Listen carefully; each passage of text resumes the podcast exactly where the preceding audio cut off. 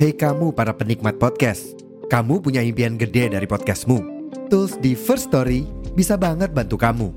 Mulai dari F-Link, Dynamic Audio Insertion, sampai statistik yang komprehensif, semua ada di First Story. Gak ketinggalan, kamu bisa monetisasi podcastmu lewat iklan dari First Story Ads yang bisa kasih kamu penghasilan dari setiap place podcastmu. Yuk gabung sekarang dengan klik di firststory.me. Sekali lagi, di firststory.me. Mari kita bawa mimpi podcastingmu menjadi kenyataan.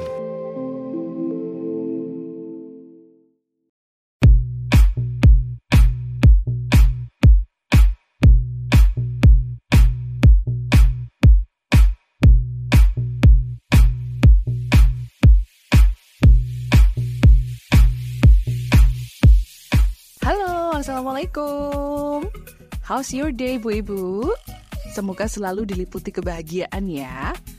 Gimana, gimana, gimana? Urusan persekolahan anak-anak udah kelar? Ya, ada daftar ulang, beli-beli perlengkapan sekolah baru, seragam baru, bayar ini, bayar itu, iuran-iuran sekolah, gitu-gitu. Mudah-mudahan nggak bikin pusing pala Barbie ya.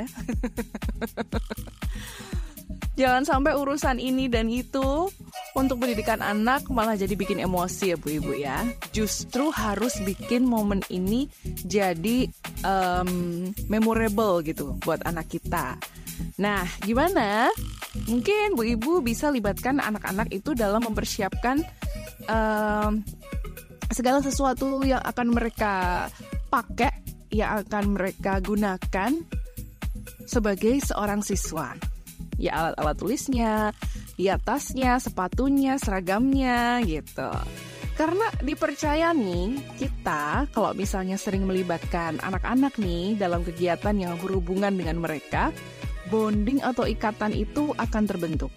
Nah, sambil bersama-sama anak-anak ibu nih nyiapin keperluan sekolah mereka, sambil juga dong dengerin podcast episode kali ini. Karena seperti biasa, ada aku, Ibu Ino, tentunya dalam podcast Bu Ibu. Podcast Bu Ibu. Podcast Bu Ibu by Ibu Ino. Podcast Bu Ibu by Ibu Ino.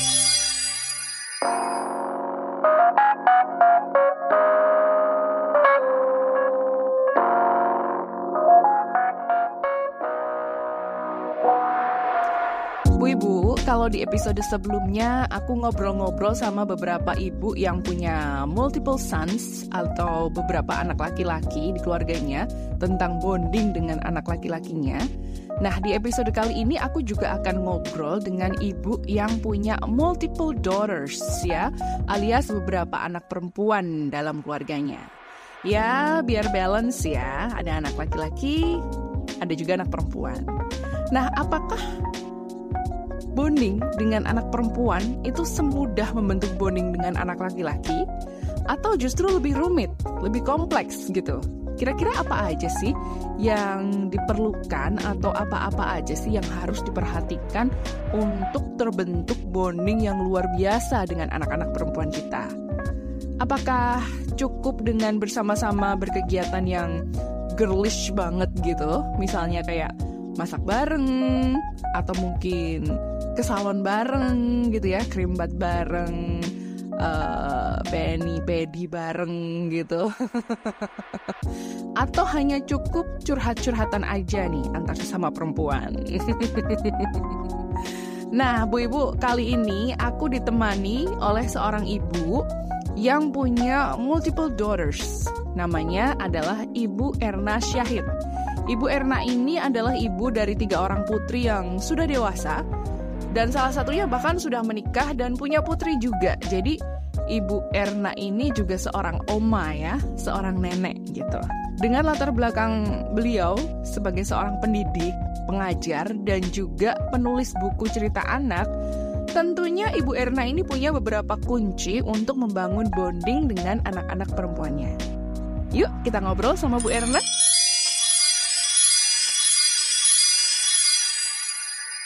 Ya, Assalamualaikum Bu Erna, apa kabar nih? Sehat? Waalaikumsalam, Waalaikumsalam warahmatullahi wabarakatuh. Ya, Alhamdulillah Mbak Inung sehat. Mbak Inung juga sehat ya. Ya, Alhamdulillah Bu, masih sibuk dengan empat anak. uh, wow. Bu, Ibu Erna sekarang domisilinya di mana nih? Saya di Tangerang, Mbak. Oh di Tangerang. Kesibukan sehari-hari apa? Ya, sehari-hari apa ya? Ya di rumah aja. sekarang di rumah aja sudah memutuskan untuk mempercepat pensiun. oh begitu. Sebelumnya uh, mengajar ya Bu? Sebelumnya mengajar? Uh, Macam-macam Mbak. Jadi uh, ada masa saya mengajar, ada masa saya off dari mengajar, uh, jadi full ibu rumah tangga. Ada masa juga saya bekerja di rumah, ada ada masa juga bekerja tapi nggak full, tapi di luar kota. Nah, mulai 2020 saya resign. Jadi saya di rumah, di rumah aja lah. Begitu, Mbak. Oke, Bu Erna ini juga menulis juga kan ya beberapa buku gitu. Uh, tapi buku anak-anak Mbak ya, jangan enggak bukan buku yang serius-serius. buku anak-anak. iya, tapi kan nulisnya juga serius Bu. ya betul. Uh, tulis buku cerita anak, terus ya sedikit-sedikit nulis di mana ya di Facebook atau yang saya kasih di grup itu sebetulnya tulisan lama saya itu sekitar 10 tahun yang lalu. 2012 kalau nggak 2013 gitu. Itu di grup MLC itu grupnya Ustadz Haris Hari Haris Santosa. Ya MLC namanya Millennial Learning Center ya. Uh, ada obrolan membesarkan tiga orang putri. Nah ini bikin saya tertarik juga nih gitu. Apalagi Bu Erna kan baru aja dapet cucu nih dari putri yang pertama ya Bu? Iya, iya. Tahun uh, setengah ya. Ya. Nah, uh, mungkin bisa Bu Erna ceritakan gimana sih uh, apa namanya uh, suka duka pengalamannya, terus kemudian kesulitan-kesulitan uh, dan juga keseruan-keseruan atau tantangan apa aja selama membesarkan tiga orang putri ini gitu. Uh, saya sendiri kan juga punya anak perempuan nih yang baru aja masuk usia remaja nih baru kemarin ulang tahun ke-13 kayak gitu. Saya juga pengen tahu gitu meskipun putri saya hanya satu tapi saya juga ingin apa ya uh, sedikit mendapat cerita pengalaman nih dari seseorang yang punya multiple daughters gitu loh, yang punya anak putri itu banyak kayak gitu. Nah, gimana Bu? Uh, ya sebetulnya saya sebenarnya agak malu ini. Pertama, ini sudah orang tua old ya, zaman dulu, jadul kalau kata anak-anak. Uh, tapi memang yang saya rasakan sih Mbak, saya sih mengalir aja pada prinsipnya. Tapi yang saya rasakan saya terbiasa apa adanya ya. Saya terbiasa apa adanya dengan anak saya. Bahkan kalau sekarang ya kami suka saling ledek gitu ya, udah gede begini. Karena memang eh, apa adanya aja dengan segala ya kadang-kadang sebagai orang tua kita kan naif juga, kadang lupa juga, bukan kadang sering ya, sering lupa juga, kemudian sering salah paham juga. Itu sih saya eh, berusaha menampilkan apa adanya. E, memang modal pertama itu kan kita memahami karakter anak. Memahami karakter anak itu kadang-kadang nggak hanya melihat tapi juga membuat mereka mau membuka diri ya. Nah, membuka diri itu acara membuka diri ini memang sering kali harus dari kita yang mulai. Ketika kita apa adanya, uh, kita membuka diri kita, nanti insya Allah pelan-pelan anak-anak juga akan membuka dirinya. Jadi ketika dia mulai membuka diri, nah kita mulai tahulah, oh anak ini begini, oh anak itu begitu. Ketika kecil sih insya Allah itu mudah ya, tapi memang ketika memasuki masa ABG itu sedikit sulit. Mereka biasanya menutup diri, mereka lebih terbuka kepada teman-temannya. Tapi ya ya kadang-kadang sih saya kasih ruang juga untuk mereka menutup diri. Kadang-kadang saya uh, untuk bisa apa ya bisa mengambil hati mereka saya sering kok main ke kamar mereka ya udah dia sibuk ya udah saya tiduran aja di situ. Tiduran. Kadang nggak ada percakapan tapi kehadiran saya itu saya ingin memastikan pada anak-anak bahwa saya ingin dekat kok sama mereka gitu loh Jadi ya udah saya tiduran di situ. Mereka kadang lagi ngerjain tugas atau apa, saya iseng-iseng di situ sambil baca-baca atau sambil apa. Jadi kadang-kadang kami berdekatan tapi sibuk sendiri-sendiri gitu loh. Cuma itu e, menurutku itu semacam bonding juga sih. Semacam bonding juga gitu meskipun belum ada percakapan. Nanti lama-lama kalau kita sering deket-deket gitu kan ya mereka ngobrol juga. Mereka tiba-tiba cerita temannya atau mereka tiba-tiba e, mengutarakan kejengkelannya. Ya, ya seperti itulah kira-kira. E, tapi mungkin karena saya dulu ngajar di SMP dan SMA ya Mbak, sehingga agak apa ya, memang itu sudah pekerjaan saya kan untuk untuk dekat dengan anak-anak gitu loh. Jadi itu insya Allah lebih memudahkan saya sih. Iya. Uh, kalau boleh tahu uh, jarak umurnya putri-putrinya ibu berapa tahun bu? Nah itu, alhamdulillah itu sangat berdekatan mbak. Jadi itu kayak satu paket gitu. Dan itu saya tuh empat empat setengah tahun tiga kali melahirkan. Oh, sangat uh, cepat sekali ya. cepat sekali. Itulah yang saya bilang tadi ada masa-masa saya menjadi ibu rumah tangga full itu itu ketika mereka masih kecil-kecil. Ya udah saya nggak ngajar sama sekali. Uh, sibuk. Apa dari awal itu hamil melahirkan hamil melahirkan hamil melahirkan yang kayak gitu gitu. Jadi uh, benar-benar saya di rumah itu sama anak-anak. Itu sekitar 8 tahun sampai 9 tahun kayak saya di rumah full gitu. Terus cewek semua lagi kan ya terbayang dong ramenya gitu cerewet banget gitu kan. Nah itu karena saya full di rumah jadi ya saya bisa bisa banyak eh, berinteraksi lah dengan mereka dari mereka kecil. Jadi saya tuh sering ajak mereka jalan sering ajak mereka ke pasar bertiga-tiga itu. Sampai uh, apa tukang-tukang di pasar itu suka tanya itu anaknya semua bu? Gitu. Karena masih kecil-kecil saya ajak semua ke pasar. Terus seringlah saya ikutkan dalam kegiatan saya gitu ya.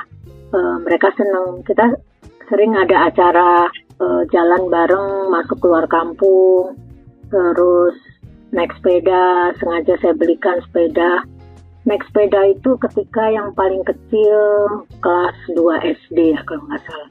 Kami udah mulai sepedaan itu. Jadi e, semua bawa sepeda masing-masing. Ya udah kita berusukan ke kampung-kampung. Rumah saya di Tangerang ya, jadi masih di pinggiran, masih ada kebun-kebun gitu kan, masih ada kampung-kampung. E, dari situ kami terbiasa pergi berlima. Ada masa-masa e, kendaraan saya tuh cuma motor, Mbak ya itu kami berlima pergi itu sampai mana-mana itu sampai Ancol sampai Ciseeng sampai ke kalau mau nyebrang ke Pulau Seribu itu naik iya. motor itu berlima sambil bawa ransel sambil bawa macam-macam lah dan itu sangat dikenang sama anak-anak sampai yeah. sekarang alhamdulillah terus saya sendiri suka uh, kedekatan kami itu sering terjadi saat kami traveling ya.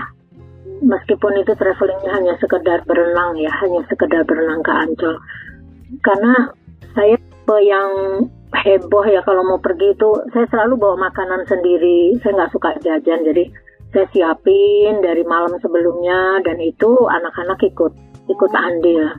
Jadi mereka boleh pesen, ibu besok bawa ini, ibu besok bawa itu. Jadi makanannya segambreng lah pokoknya memastikan anak-anak nggak jajan gitu kan bahkan ketika mereka masih kecil itu juga sudah sering saya ajak komunikasi sebelum pergi nanti kita mau ke rumah bude misalnya nanti kondisinya begini begini begini gitu kan terus apa namanya atau kalau kita mau naik kereta nanti itu naik kereta. Dulu kan kereta banyak orang jualan ya di dalam. Yeah. saya sudah sampaikan uh, kita nggak akan beli makanan di dalam. Tapi kalau jepit-jepit boleh deh gitu. Satu anak nanti dua ya. Jadi sudah terbiasa komunikasi ya. Sudah terbiasa komunikasi makanya uh, saya katakan waktu kecil-kecil itu memang pada cerewet-cerewet tapi ketika ABG ya udah mulai tuh agak diem. Tapi karena sering saya deketin gitu kadang saya minta tolong sengaja uh, kasih tahu ibu dong enaknya dimasak masak apa ya ini? Gitu misalnya apa? Gitu daging atau ayam. Nanti mereka kasih ide-ide kadang mereka yang eksekusi gitu udah biar aku yang masak deh bu gitu. Nah nanti kita makan tapi anak saya sih alhamdulillah cenderung cerewet ya mbak. Jadi alhamdulillah sih masalah komunikasi lancar aja sampai sekarang. Apa pun diceritakan sampai ke hal-hal yang mengerikan tentang teman-temannya itu ya diceritakan. Uh, memang catatan ya mungkin buat ibu-ibu muda mengenal anak itu penting sekali. Saya sering dengar orang tua itu tidak kenal anaknya gitu. Dia taunya anaknya tipe A, padahal ternyata di sekolah itu dia tipe B gitu contohnya. Saya nggak tahu deh, tapi mungkin aja si anak itu tipe A di depan orang tuanya karena memang orang tuanya itu berambisi untuk si anak itu tipe A gitu loh. Kira-kira seperti itulah. Itu yang sering saya alami sebagai guru, Mbak. Jadi ketika orang tua dikasih tahu, mereka nggak nggak mau terima gitu. Anakku nggak gitu gitu loh. Jadi saya juga bingung mengkomunikasikan kan. Nah itu mungkin pengalaman saya di situlah akhirnya membuat saya selalu terbuka, mencoba terbuka ke anak-anak. Nggak jaim gitu. Kalau saya memang tipe orang yang pelupa ya saya tampilkan aja apa adanya gitu. Jadi anak-anak akhirnya mengenal saya ketika anak-anak mengenal saya, ya insya Allah mereka akan membuka diri sehingga saya juga bisa mengenal mereka seperti itu. Uh, tapi memang ketika kita mengenal anak-anak sebagai dirinya, itu juga konsekuensinya ada sih Mbak. Maksudnya begini, anak-anak itu kan cenderung keras kepala ya. Jadi kadang uh, banyak saya bilang komunikasi kami itu bukan cuma komunikasi baik-baik aja ya.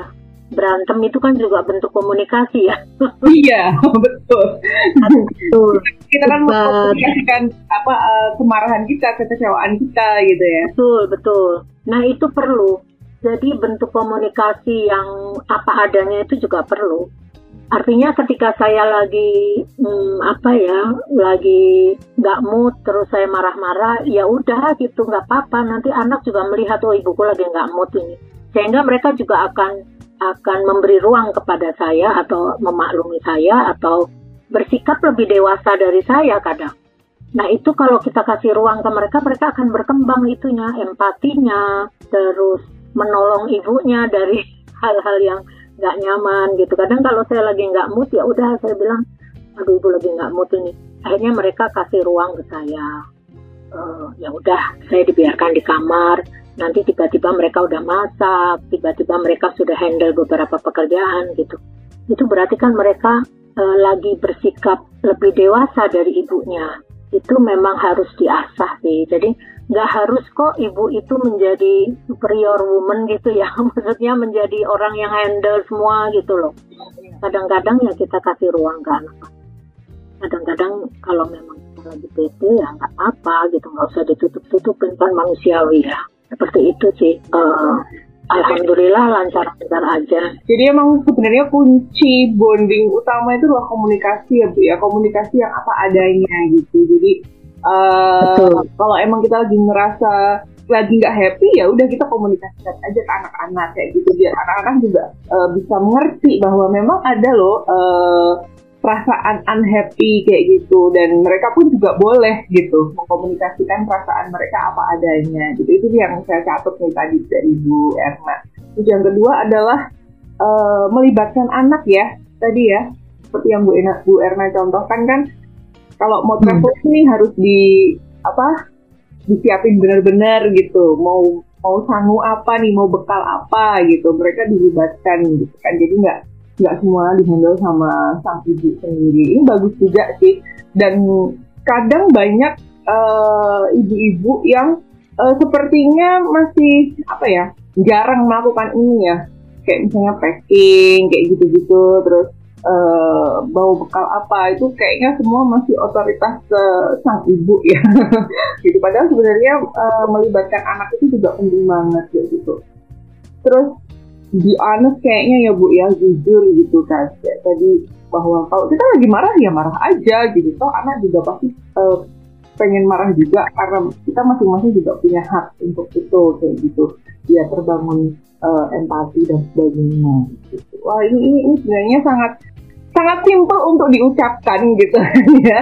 Tapi uh, sebenarnya dalam prakteknya juga nggak nggak gampang-gampang banget gitu, gam-gam sih sebenarnya gampang-gampang susah karena uh, ada beberapa orang tua yang cenderung juga ingin apa ya, nggak kepengen melihat nggak kepengen si anak itu melihat orang tuanya tuh nggak bahagia gitu loh bu.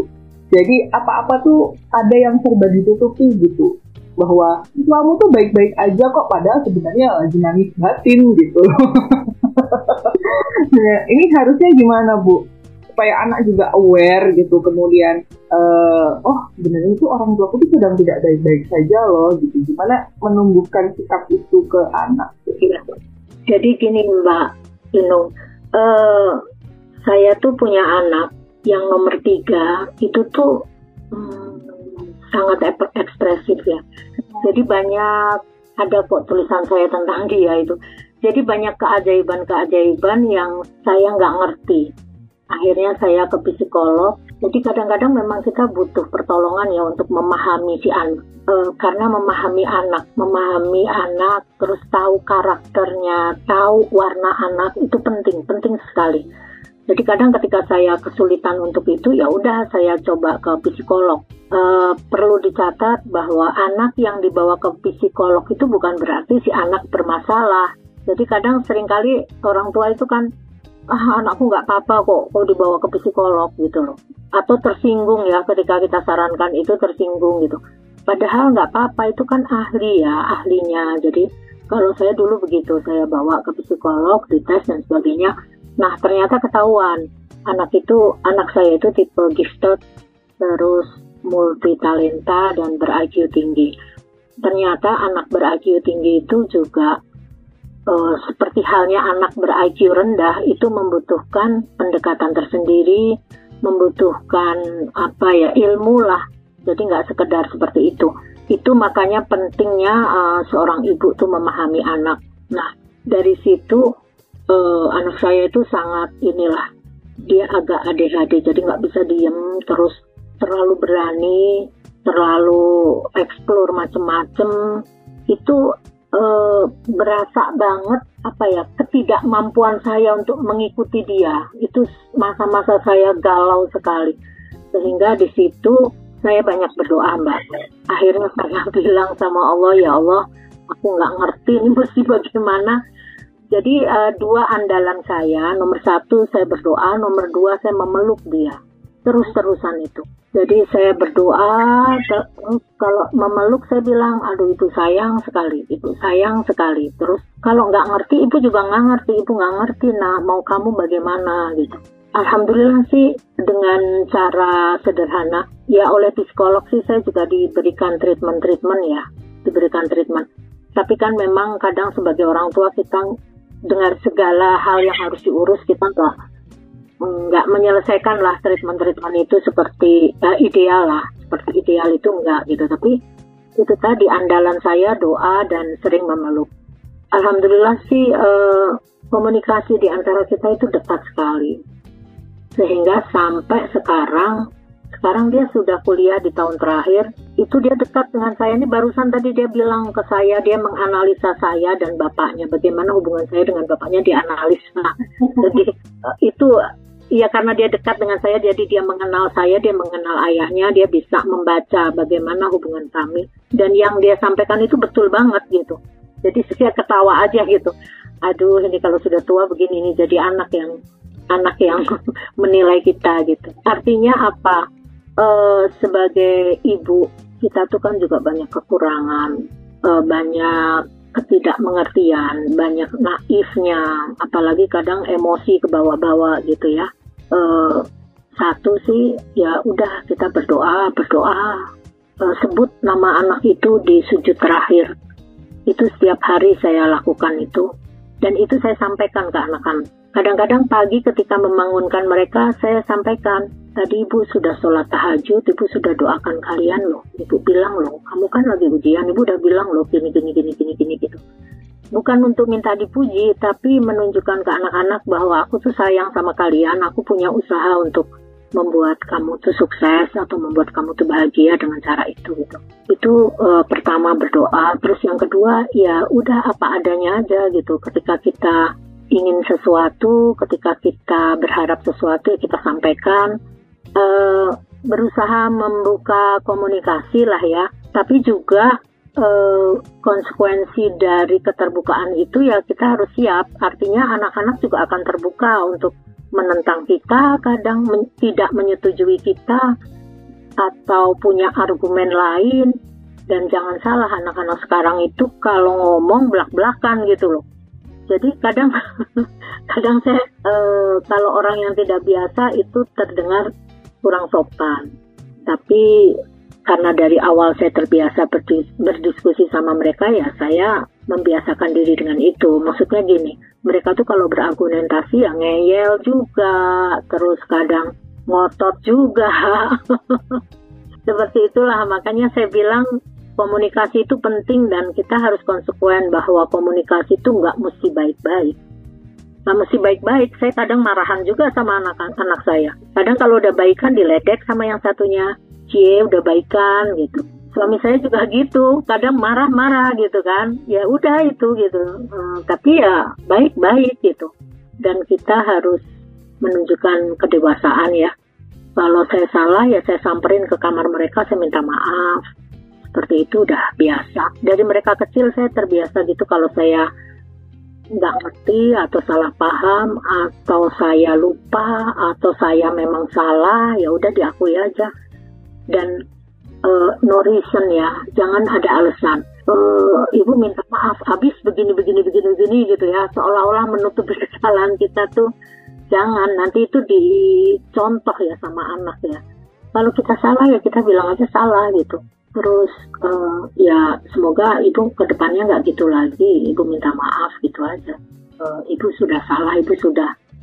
Misalnya saya sering kali kan orang tua itu menuduh ya kamu begini-begini gitu kan tanpa sengaja. Nah itu saya sampaikan ibu iya ibu salah sudah menuduh kamu ya padahal kamu enggak ibu minta maaf ya. Semoga ibu nggak gitu lagi ke depan. Seperti itu sih mbak. Kira-kira punten ini kalau nggak sesuai. Enggak bu. Uh, ini bagus maksudnya. Uh, maksud saya gini ya itu tadi uh, ternyata memang ketika kita memutuskan untuk berkomunikasi apa adanya kita juga harus konsekuen gitu loh bahwa nanti si anak bakalan bisa berkomunikasi apa adanya juga gitu ya kayak dari bawah tadi. Itu dan kita juga harus harus siap menerima itu bahwa ketika kita belak belakan anak itu juga pasti akan belak belakan gitu. Dan kita juga harus siap dengan uh, kebelak belakannya mereka kayak gitu kan.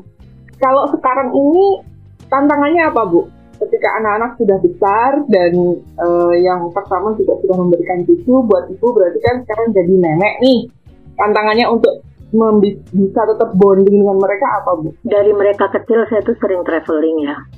Acara traveling itu buat saya bukan sekedar jalan-jalan cantik karena memang saya tidak pernah mengajak mereka jalan-jalan cantik ya. Uh, di situ bonding sebetulnya banyak sekali bonding. Nah dengan sekarang mereka sudah besar, mereka terbiasa juga untuk apa ya untuk saling saling memberi ruang gitu ya untuk saling memberi ruang tapi komunikasi tetap jalan karena memang kami udah alhamdulillah sih mungkin karena cewek-cewek apa gimana ya koneksinya itu kuat gitu kita jadi kadang saya tuh lagi kepikiran gini gini gini nanti anak saya datang itu ngomongin tentang itu gitu loh oh iya ya gitu kayak ini tadi kan saya lagi saya padahal nggak cerita tentang podcast ini, cuma saya minta tolong disiapin laptop dan sebagainya. Tiba-tiba dia cerita tentang love language gitu. Ada tuh bu love language itu, itu tahu nggak love language bla bla bla bla gitu dia cerita. Terus dia analisa hubungan saya dengan ayahnya berkaitan dengan love language tadi. Uh, tantangannya sekarang itu mereka memang sudah memiliki dunia sendiri, sudah terbentuk karakter mereka, sudah menjadi diri mereka sendiri dan itu yang harus kita terima. Kadang-kadang punten ya, bahkan orang tua itu kan sering sekali, misalnya profesi nih ya, sering sekali orang tua itu menurunkan profesi pada anaknya. Karena menganggap itu kan sudah nyaman ya. Misalnya e, bapak ibunya jadi dokter ya udah anaknya jadi dokter aja. Sehingga koneksi bapaknya bisa terkonek langsung ke anaknya. Fasilitas-fasilitas di bapaknya juga langsung ke anaknya. Itu mempermudah memang. Tapi ketika kita berhasil uh, membentuk karakter anak biasanya nggak semudah itu gitu. Nyuruh anak itu sama profesi dengan orang tua mereka pasti kan sudah punya ini sendiri ya uh, apa namanya sudah punya warna sendiri, sudah punya keinginan sendiri. Nah itu itu terjadi di saya, terjadi di saya. Profesi saya apa, suami apa itu mm, nggak ada yang diikuti sama anak-anak. Itu tuh harus harus diterima gitu loh. Contohnya itu, contohnya tentang profesi. Begitu juga tentang hal-hal lain. Tapi kan kalau komunikasi uh, bagus, insya Allah itu nggak jadi masalah. Itu sih kira-kira. Oke, ya. Terima kasih banget Bu udah uh, berbagi di podcast kali ini.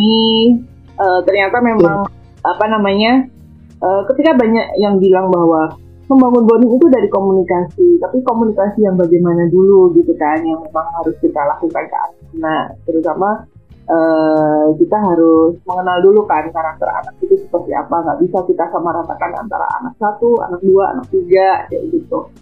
Apa Bu Erna sharing hari ini benar-benar bisa bermanfaat nih buat uh, mamah-mamah muda ya, buat ibu muda yang mungkin anaknya ada perempuan juga gitu kan, yang beranjak dewasa atau mungkin yang memang masih uh, usia dini atau mungkin usia sekolah tapi agak kesulitan membangun bonding dengan mereka. Entah itu karena secara karakter belum mendalami atau karena kesibukan di luar rumah. Kan ada juga nih yang working mom gitu kan.